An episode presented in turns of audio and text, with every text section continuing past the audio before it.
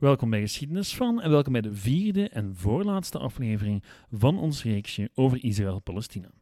In deze aflevering komen we een pak dichter bij het waarom van het hedendaagse conflict. Waar we vorige week nog zagen hoe Palestina na de laatste Joodse opstand tegen de Romeinen een overwegend islamitische en Arabische regio werd, zien we deze week hoe op het einde van de 19e eeuw Joden Palestina opnieuw binnendruppelen. Met alle gevolgen van dien. Of waarom de korte samenvatting van de geschiedenis van het conflict hier beginnen.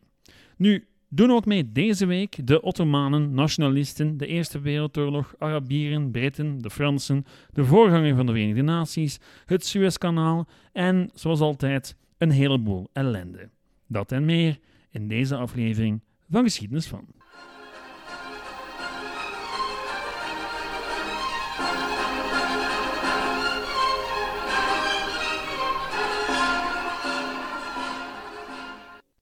We zijn aangekomen in de 19e eeuw en belanden nu pas waar alle andere geschiedenislesjes over Israël-Palestina aanvatten. Je hebt ze wel zien verschijnen de voorbije weken, de geschiedenissen van het conflict, die ten vroegste beginnen in de 19e eeuw en vaak nog een pak later. Wat me brengt tot volgende vraag. Waarom heb ik al 7500 woorden en een vol uur audio-opname besteed aan geschiedenis waarvan niemand die echt belangrijk genoeg lijkt te vinden om ze op te nemen in hun samenvattingen? Wel, uh, ten eerste omdat ik het wel degelijk belangrijk vind, en ten tweede omdat ik niet gebonden ben aan zaken als woordlimieten of deadlines. En ik ben er gewoon 100% van overtuigd dat weten wat er allemaal gebeurd is voor de 19e eeuw helpt om te begrijpen wat er gebeurt na de 19e eeuw. Om het volledige verhaal te kunnen vertellen, zullen deze laatste twee afleveringen ook ietsje langer zijn dan normaal. Er valt nu eenmaal veel te veel te vertellen. Er is trouwens nog een stukje van de puzzel van voor 1800 dat ontbreekt. We zijn na aflevering 2 namelijk een deel van het verhaal uit het oog verloren, namelijk dat van de Joden buiten Palestina de Joodse diaspora, zoals die in de vakliteratuur genoemd wordt. Nu, die term werd voor het eerst gebruikt in een bijbelse context, maar wij gaan het specifiek hebben over de Joodse diaspora na de vernietiging van Jeruzalem en Judea door de Romeinen. We kunnen eigenlijk een onderscheid maken tussen twee grote groepen: Sephardische Joden en Ashkenazis. Die eersten waren initieel vooral terug te vinden in Iberië, Spanje en Portugal dus, maar ook Noord-Afrika en het Midden-Oosten. De tweede in Noord- en Centraal-Europa. Voor beide groepen geldt dat ze door de eeuwen heen zich over steeds grotere gebieden verspreiden. In het begin vaak uit praktische overwegingen en later hoe langer hoe meer, omdat ze simpelweg het land uitgezet werden. Dat laatste gebeurde vooral in Europa trouwens. Het anders zijn van de Joodse gemeenschappen leidde er vaak toe dat ze de ideale zondebok waren voor mislukte oogsten, economische malaise, de pest en allerhande ongeluk. Oh, en als een vorst een serieus gat in zijn schatkist had, durfde hij ook wel eens de bezittingen van alle Joden in beslag te nemen. De Ashkenazis belanden eerst in Italië en verspreidden zich van daaruit richting Frankrijk en Duitsland, waarna ze door vervolgingen de wijk namen naar Oost-Europa, waar er lang een meer tolerante houding was. Wel, het is te zeggen, er was meer plek en men was dus meer geneigd om die Joden een plekje toe te kennen waar ze op zichzelf konden leven. En dat ging een tijdje goed. De Sephardische Joden kenden hun oorsprong in Spanje en Portugal, waar ze in de 15e eeuw op de loop moesten voor de Spaanse Inquisitie. Ze kwamen vervolgens over het hele Ottomaanse Rijk terecht, maar even goed in West-Europa en zelfs Latijns-Amerika.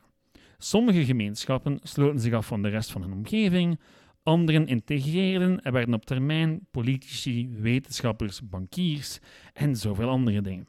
Het was vooral die laatste groep die in de loop van de 19e eeuw in aanraking kwam met de intellectuele hype van het moment, nationalisme. Een deel van hen besloot zich te integreren in de natie waar ze toch al deel van uitmaakten. Men was Joods, ja, maar evengoed Duitser of Belg. Voor hen was een Joodse identiteit in de eerste plaats een religieus dingetje dat hun Belg of Duitser zijn niet in de weg stond. Al waren er natuurlijk ook anderen. Zij zagen het Jodendom als een apart ras dat recht had op een eigen staat. En natuurlijk kon die staat zich niet zomaar ergens bevinden. Het moest de heimat zijn, Israël of Palestina, zoals de mensen die er toen woonden het noemden. Nu, deze ideologie die voor de Joden een thuisland ziet in Israël, zal de roepnaam Zionisme krijgen. En haar voornaamste bedenker draagt de naam Theodor Herzl. Maar over hem later meer. Nu zijn we weer helemaal mee en dus gaan we terug naar Palestina. Dat had begin de 19e eeuw nog maar eens last van haar aloude probleem. Zijn de Egyptenaren. Meer bepaald een opkomend Egyptisch rijk dat zichzelf wil manifesteren op het wereldtoneel door Palestina te veroveren. Deze keer was het Pasha Mohammed Ali van Egypte die in opstand was gekomen en wiens verovering van Palestina in 1831 leidde tot een heleboel opstanden en bloedvergieten.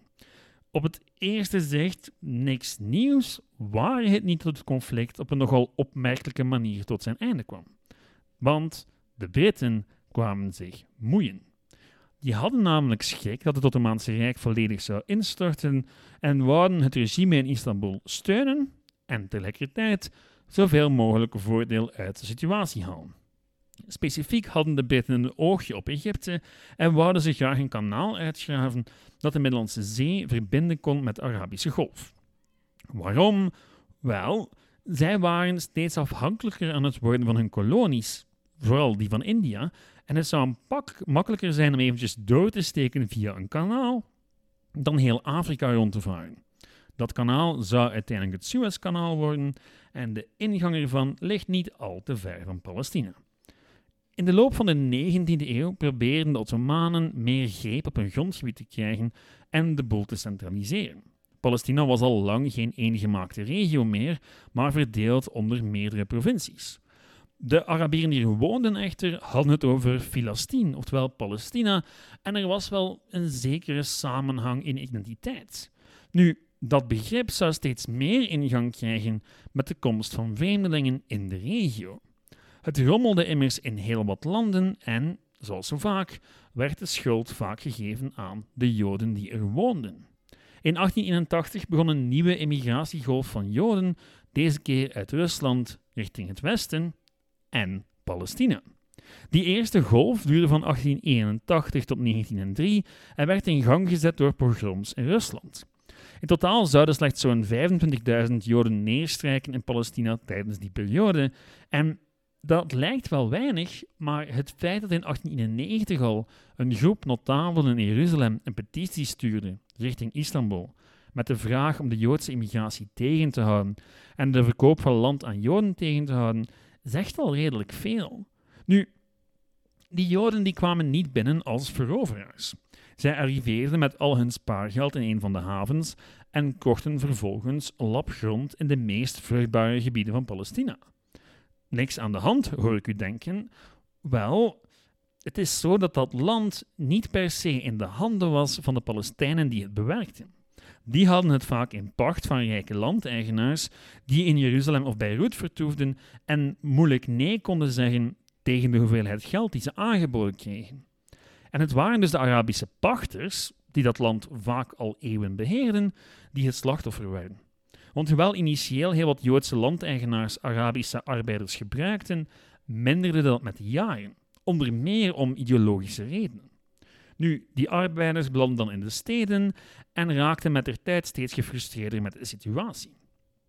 Zeker in de laatste tien jaar van de 19e eeuw vormde zich bij heel wat Joden, zowel in als buiten Palestina, het idee dat het tijd was om hun beloofde land opnieuw in te nemen. Het Sionisme was echter meer dan een filosofisch-nationalistische beweging. Het was een politieke beweging met impact. Theodor Herzl schreef in 1896 de Joodse staat. En dat is zowat de blauwdruk van het Sionisme. Het doel, een Joodse nazistaat naar het model van Frankrijk of Duitsland. En als je dat leest, dan zit er echt wel een imperialistisch kantje aan. Het Midden-Oosten werd door Herzl en vele Zionisten met hem beschouwd als een achtergestelde regio, waar de Joodse staat kon functioneren als een voorpost van de beschaving. Joodse immigranten zouden de beschaving, de industrialisatie, met zich meebrengen uit West-Europa. En wel, dat is een redelijk imperialistisch en kolonialistisch idee. Nu, met dat doel in het achterhoofd werd in 1897 door Herzl een congres georganiseerd waar de WZO, oftewel de World Zionist Organization, werd opgericht. Zionisme werd er gedefinieerd als het geloof in de creatie van een thuis voor het Joodse volk in Palestina. Onmiddellijk ging de WZO aan de slag om zoveel mogelijk Joden over de hele wereld mee op de kaart te krijgen. Niet zozeer om hen allemaal te overtuigen om stand PD te verhuizen richting Palestina, maar vooral om geld bij elkaar te krijgen voor het JNF, de Jewish National Fund, het Joods Nationaal Fonds. Dat fonds gaat de drijvende kracht zijn achter de tweede Joodse migratiegolf richting Palestina vanaf 1904. Die nieuwe golf was veel ideologischer dan de vorige en vond een thuis op land aangekocht door het JNF. En grof samengevat laat de mentaliteit van velen van die tweede migratiegolf zich vatten in de woorden van de Joodse dichter Israël Zangwiel. Die beschreef Palestina als een land zonder een volk, voor een volk zonder een land. En ja, nu was het zeker zo dat Palestina sinds de middeleeuwen relatief dun bevolkt was, maar er woonden wel degelijk mensen, en dan in de eerste plaats op de meest vruchtbare stukken. Net die stukken natuurlijk, die werden opgekocht door het JNF. Nu was zeker niet elke Jood tijdens deze periode echt een overtuigde Zionist. Ten eerste waren er in Palestina heel wat Joden die al generaties lang vreedzaam samenleefden met Palestijnen. En het Zionisme zagen als een gevaarlijk idee dat het precaire evenwicht in de regio kon verstoren. Dat was trouwens ook de mening van de meeste christenen, die net als hun moslimburen Arabisch spraken en zich even goed bedreigd voelden door de Hebreeuws sprekende nieuwkomers, die hoe langer hoe meer afgesloten van de rest van de wereld leefden. Maar wel op de beste stukken land. Ten tweede waren er een heleboel Joden in Europa en de VS die zich maar moeilijk konden identificeren met dit Joods nationalisme. Zij voelden zich in de eerste plaats Belg, Fransman of Amerikaan en hadden maar weinig op met die focus op Jeruzalem en het Bijbelse Israël. De Joden die bewust kozen om richting Palestina te trekken, waren meestal zij die het meeste hadden afgezien. Namelijk zij die uit hedendaags Polen, Oekraïne en Rusland kwamen en een nieuw leven zochten. Tot aan het uitbreken van de Eerste Wereldoorlog bleef de Yishuv, zoals de Joodse gemeenschap in Palestina genoemd werd, gestaag groeien. Tot zo'n 70.000 in 1914 wat nog steeds maar zo'n 7% was van de totale bevolking van Palestina. Al was het toen al voor heel wat neutrale waarnemers al duidelijk dat er twee nationale gemeenschappen aan het ontstaan waren die vroeg of laat met elkaar zouden botsen. En toen werd alles een pak erger. Voor de Palestijnen in elk geval. En dat had alles te maken met de Britten. Tijdens de Eerste Wereldoorlog belandde het Ottomaanse Rijk aan de kant van de centrale mogendheden en al vanaf 1915 begon men in Londen na te denken over wat men zou doen na de oorlog. Daarbij speelden de eigen belangen natuurlijk een grote rol, al was men in de eerste plaats nog altijd bezig met het winnen van de oorlog. En om dat te doen, moest het Ottomaanse Rijk een kopje kleiner gemaakt worden. Want natuurlijk bedreigden die Dekselse Ottomanen het Suezkanaal, de bevorderingsroute voor de Britten. En dan had je ook nog de ontdekking van olie in Iran en Irak, waar de Britten maar wat graag toegang toe wilden krijgen. Het is dan ook niet zo vreemd dat Henry McMahon, de vertegenwoordiger van de Britten in Egypte in 1915, wat brieven uitwisselde met Hussein, de sharif van Mekka.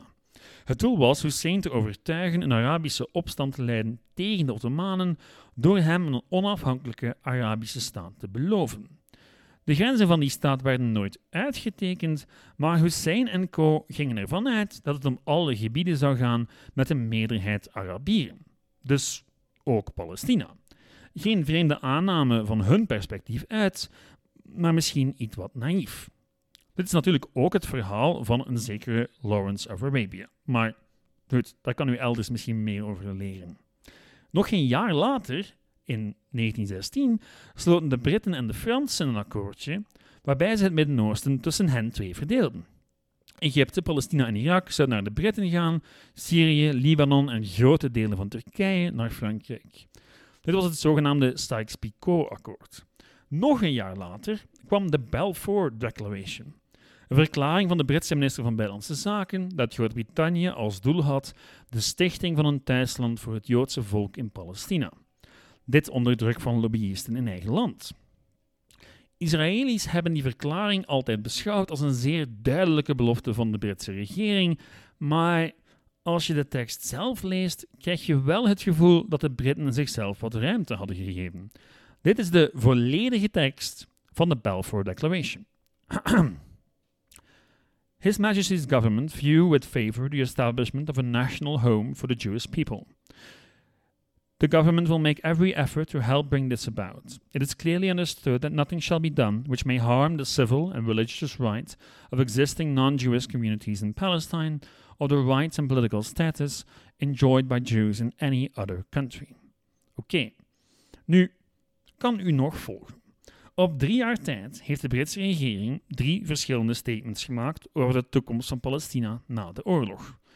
Toegegeven, die spreken elkaar strikt genomen niet direct tegen, maar ze creëren wel een kluwen waar niemand heelheid uit gaat komen. De Britten niet, de Palestijnen niet en de Joden niet.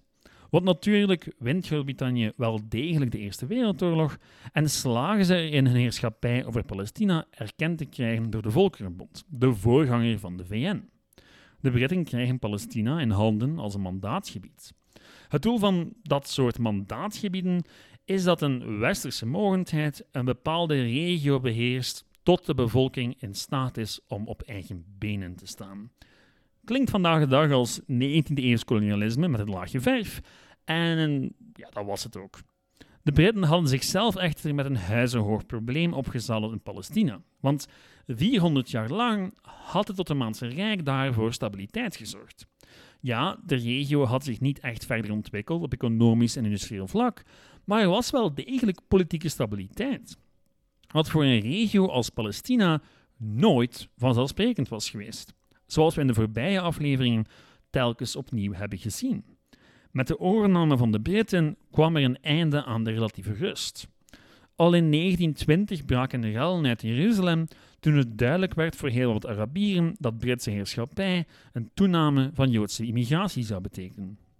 De Britten namen hun tijd om de stad opnieuw onder controle te krijgen en van dan af bouwden de Zionisten langzaam maar zeker aan hun eigen steden, hun eigen kolonies, hun eigen staatsapparaat. Inclusief ordehandhaving trouwens.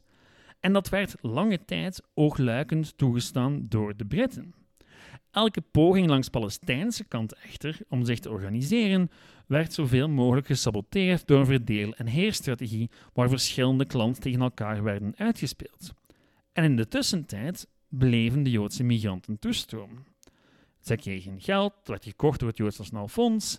En steeds meer Palestijnen zagen zichzelf beroofd van hun inkomen, namelijk landbouw. En ook op economisch vlak trokken Joodse organisaties en Joodse bedrijven steeds meer het laken naar zich toe. Dit alles leidde tot nieuwe rellen in 1929.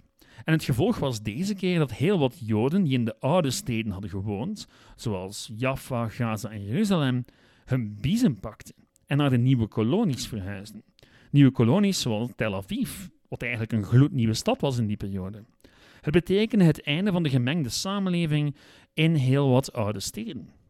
Joden en Palestijnen leden steeds meer gescheiden van elkaar.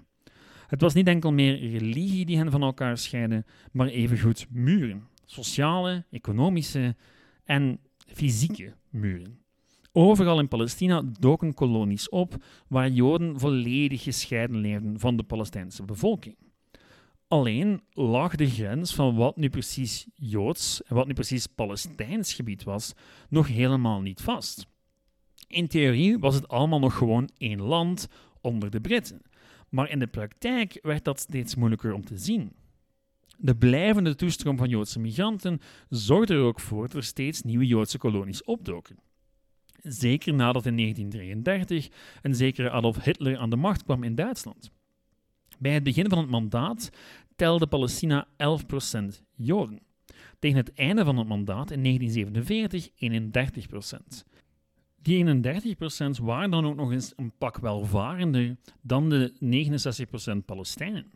Die situatie moest wel tot een grootschalige opstand leiden en in 1936 was het zover. Het begon met een algemene staking, maar resulteerde in een gewapende opstand. Een opstand die hardhandig werd neergeslaan door de Britten met maar liefst 100.000 troepen. Het was koloniale onderdrukking op een massale schaal. Na vier jaar zouden 10% van volwassen Palestijnse mannen ofwel het leven gelaten hebben, gevangen genomen zijn of gewond. De opstand was een ramp en de eerste van velen waarbij de slachtoffers aan Palestijnse kant een pak hoger opliepen dan bij de tegenstander. De Zionisten bleven trouwens niet stilzitten tijdens die opstand. Ze mobiliseerden hun eigen troepen, de Haganah, een Joodse paramilitaire organisatie die de Britten actief bijstonden bij het neerslaan van de opstand. En een deel ervan, de zogenaamde Irgun, deed dat met geweld op burgers. Of men ook aan Joodse kant tijdens het Britse mandaat niet vies was van terrorisme. Maar daarover volgende week meer. Het enige waar we het vandaag nog over moeten hebben is de Peel Commission. En de eerste keer dat het twee-statenplan opduikt. Niet de laatste keer, want als u ook maar een klein beetje hebt opgelet in oktober en november 2023, dan heeft u de term zeker al gehoord. Peel was een Britse lord die een Britse commissie leidde die onderzoek deed naar de toekomst van Palestina en daarbij honderden mensen bevroeg, zowel Britten, Joden als Palestijnen.